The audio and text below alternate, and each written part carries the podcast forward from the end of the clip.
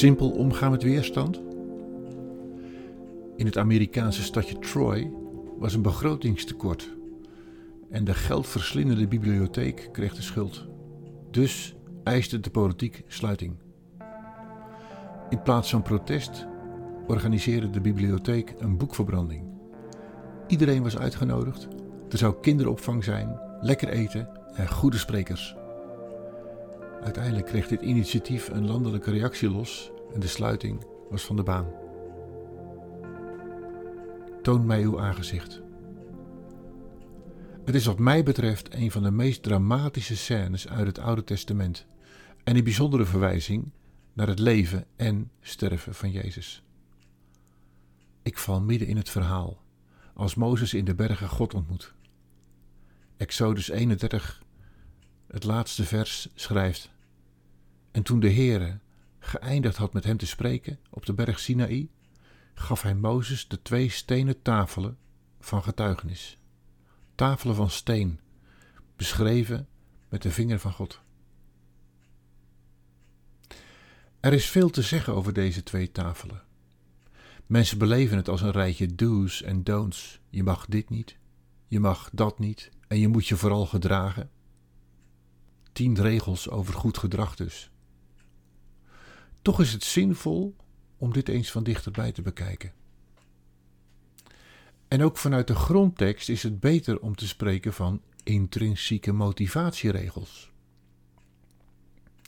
Er staat in de tien geboden niet je moet, maar u zult. Of nog beter vertaald zou zijn, dan zal je. Als je van het leven houdt en God erkent als schepper, die boven alles en alles staat, dan kun je niet anders zeggen dan erkennen dat deze regels het waard zijn om op te volgen. Want wie wil er nu iemand vermoorden? Wie wil er stelen of overspel plegen? Als het goed is voor anderen, is het dan ook niet voor ons? Tegelijk is het zaak te beseffen dat we niet kunnen voldoen aan de regels. De regels worden niet tegen het licht gehouden, maar als het ware gespiegeld in ons hart.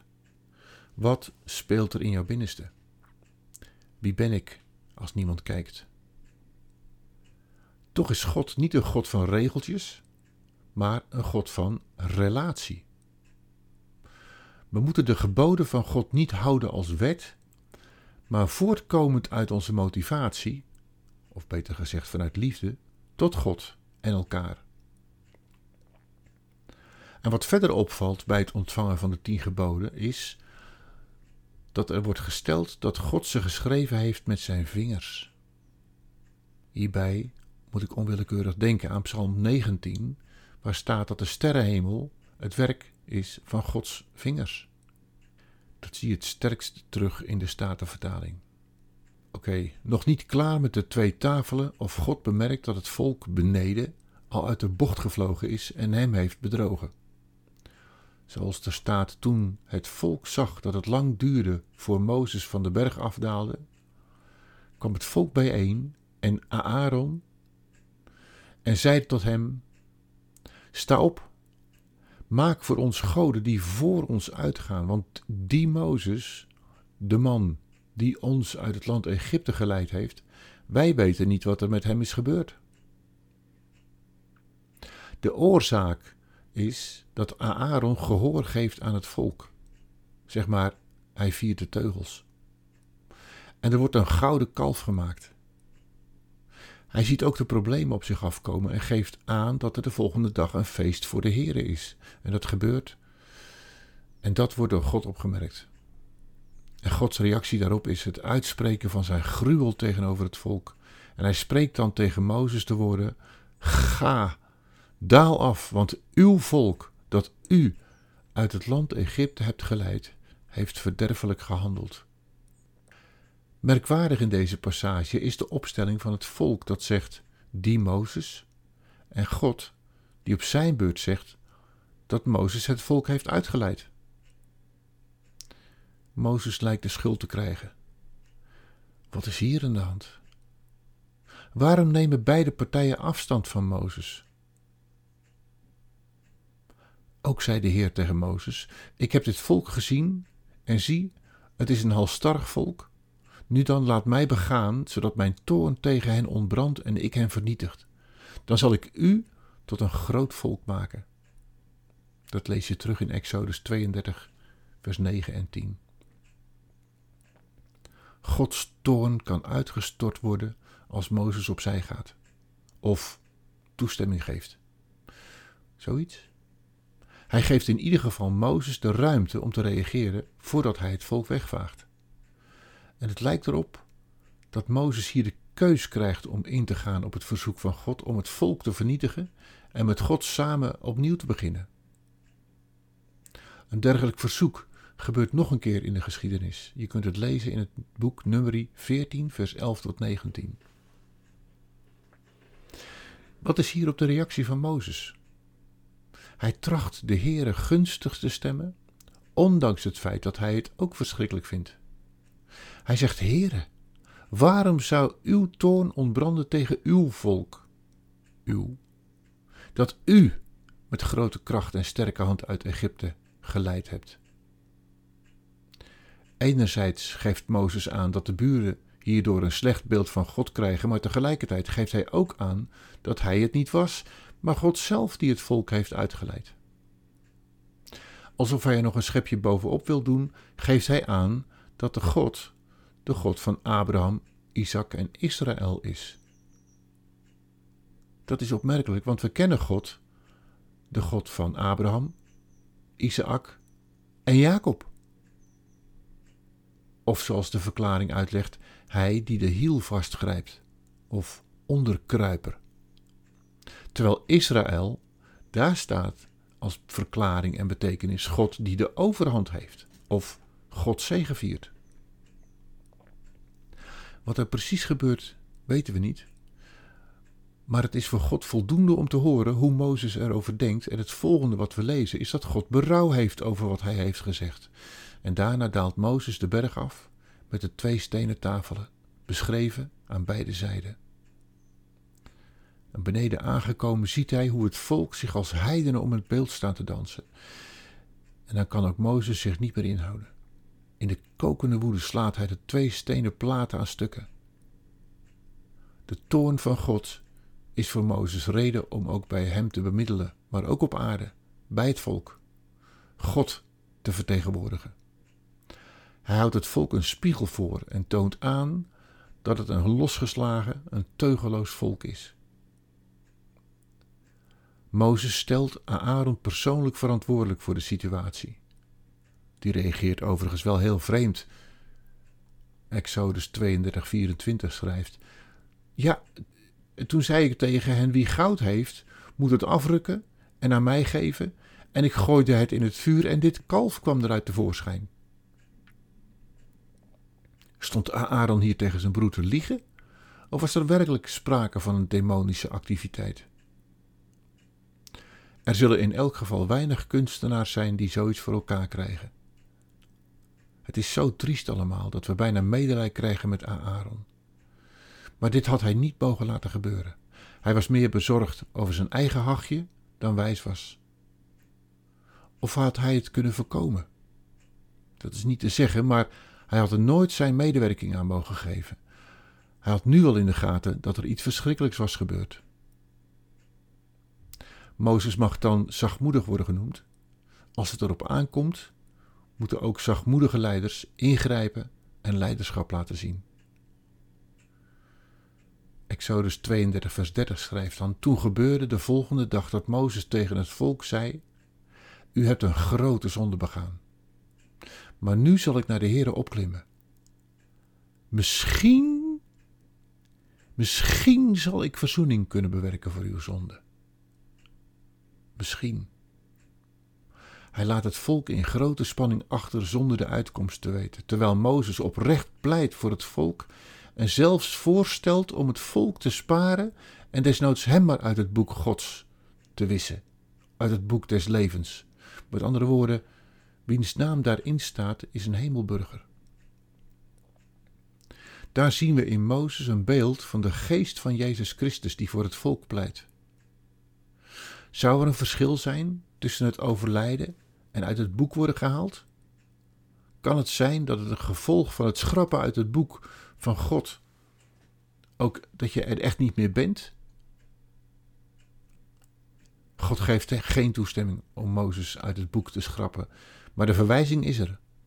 Want later in de geschiedenis is er wel iemand die uit het boek dat God geschreven heeft geschrapt wordt. Zijn eigen zoon notabene. Zou Mozes hier een glimp van het evangelie hebben gezien? Dat dit het principe is waar God op doelt, terwijl hij het bijna in handen van Mozes had gegeven. En dan doet God een belofte aan Mozes. Ga heen, leidt het ook naar de plaats waarvan ik u gesproken heb. Zie, mijn engel zal voor u uitgaan, maar op de dag van mijn vergelding zal ik aan hun zonde vergelden. Verder sprak de Heer tot Mozes: Ga heen, vertrek van hier, u en het volk dat u uit het land Egypte geleid hebt, naar het land waarvan ik, Abraham, Isaac en Jacob, gezworen heb: Ik zal een engel voor u uitzenden. Het valt hier op dat God nog steeds Mozes degene noemt die het volk heeft uitgeleid. En tegelijk geeft God aan niet mee te gaan en een engel voor het volk uit te zenden. Want God had tegen Mozes gezegd dat als hij maar één ogenblik in hun midden zou zijn, hij het volk vernietigen zou. Mozes gaat de berg af en buiten de lege plaats bouwt hij een tent en noemt die tent der samenkomst. En, of ook wel tent van de ontmoeting. En het gebeurt dat als Mozes in die tent komt en er een wolkolom neerdaalt bij de ingang van de tent, zou het kunnen zijn dat Mozes dacht een eigen tentje te maken en, en wil zien of God wel in de terf durft te komen? Die tent staat dan ook niet in de lege plaats. Zou God wel buiten de lege plaats willen komen? Ja hoor, hij komt in de tent en spreekt met Mozes van aangezicht tot aangezicht. Wat zal die gedacht hebben? Hebbes? En dan even tussendoor Jozua die niet weggaat uit de tent. En Mozes begint dan weer in onderhandeling te gaan met God. Exodus 33, 12 en 13. Zie, u zegt tegen mij: laat dit volk verder trekken. U echter, u hebt mij niet laten weten wie u met mij meezendt. Terwijl u zelf gezegd hebt: Ik ken u bij uw naam en ook, u hebt genade gevonden in mijn ogen. Gods reactie is prachtig. En hij zeide: God, moet mijn aangezicht meegaan om u gerust te stellen? En Mozes reageert: Als uw aangezicht niet meegaat, laat ons dan van hier niet vertrekken. Want hoe moet anders bekend worden dat ik, met een kleine letter, genade gevonden heb in uw ogen? Ik en uw volk. Al lezende valt het misschien op dat God Mozes degene noemt die het volk heeft uitgeleid en dat Mozes zegt dat het God is die het volk uitleidt. God is om. Hij gaat weer voor en hij geeft aan dat het ook niet anders kan. Misschien moet Mozes op dat moment gedacht hebben: nu of nooit. Hoofdstuk 33, vers 18. Toen zei Mozes: Toon mij toch uw heerlijkheid. Wat zal God hebben gedacht bij deze vraag? Mozes, die het uit zijn tenen lijkt te halen om deze onmogelijke vraag te stellen.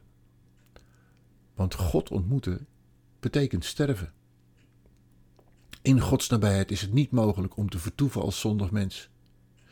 En dan toch die vraag stellen. Gods reactie is begrijpelijk. Mozes, dat gaat niet. Ik ben van een andere orde. Jij bent een stoffelijk en zondig mens. In mijn nabijheid is niemand toe te laten, hoe goed iemand ook is. Hoe goed je ook je best doet. En hoe nobel je ook bent. Het gaat niet, het kan niet en het mag niet. Niemand mag God zien. Maar, zo reageert God, ik zal mijn goedheid aan u voorbij laten gaan. En, en in uw aanwezigheid zal ik de naam van de Heere uitroepen. Maar ik, eh, ik zal genadig zijn voor wie ik genadig zal zijn. En ik zal mij ontfermen over wie ik mij zal ontfermen. En verder, u zou mijn aangezicht niet kunnen zien, want geen mens kan mij zien en in leven blijven. Wat moet het eenzaam zijn voor God, die geen relatie kan hebben met Mozes, met het volk, met wie dan ook. Het kan niet, het gaat niet. En dan, als een symfonie, komt het deel in de Bijbel waarin God zelf langs Mozes heen gaat. Toen de Heere bij hem voorbij kwam, riep hij: Heere, God, barmhartig en genadig, geduld en rijk aan goede tierenheid en trouw.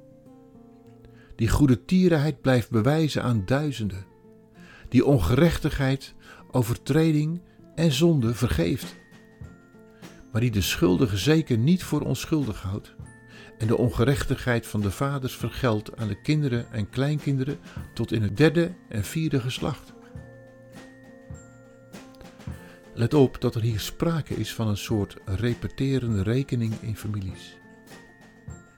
Rigoureus afrekenen met de zonde is een oproep tot heling van grootouders, ouders, kinderen en kleinkinderen. Gebeurt dat Mozes, de man Gods, van de berg afdaalt en zijn gezicht zo glimt dat hij een doek om zijn hoofd moet binden omdat de mensen hem niet kunnen aankijken. Dat gebeurt er met mensen die in aanraking komen met de Almachtige. Je kunt naar deze geschiedenis kijken met de ogen van een toornig God. Hij die vergeldt en niet in staat wil zijn om echt te vergeven. Toch wil ik je met deze beschrijving meegeven dat er wel degelijk met God te praten valt. In de gesprekken tussen Mozes en God blijkt dat duidelijk. Maar tegelijkertijd zien we dat Mozes tussen God en het volk instond. Zijn houding hierin is er een van een bemiddelaar. En Mozes is zo een afspiegeling van de grote middelaar tussen God en mensen, Jezus Christus, dus Gods Zoon. Het kan soms zomaar lijken dat de dingen in ons leven niet altijd even logisch zijn. Toch wijzen we vaak wel naar God, alsof Hij degene is die er verantwoordelijk voor is. Mozes zal op de momenten zelf ook niet alles begrepen hebben, maar later, terugkijkend, en dat mogen wij, zag hij het misschien wel. Ook in jouw leven, in mijn leven, in ieders leven mag je weten dat alles in Gods hand is. En daarbij ook de verwijzing is naar God zelf. God kiest ervoor om zijn karakter te laten schijnen door jou heen. Als vertegenwoordiger van God op aarde mogen wij ook mensen wijzen op God. Op Hem die alle mensen heeft gemaakt en alle terug wil zien in de hemel. Je mag weten dat hoe je leven ook loopt, er een verwijzing kan zitten in jouw levensloop. Wijs jezelf niet af. Keur je leven niet af. Weet dat God ook door jou heen wil werken dat alles gericht is op de komst van zijn zoon, Jezus Christus. En wat je ook meemaakt. Het is net als in een leven van Mozes en vele anderen altijd een door God geleide zaak. Het gaat om Hem, om God, Jezus en het werk dat Hij doet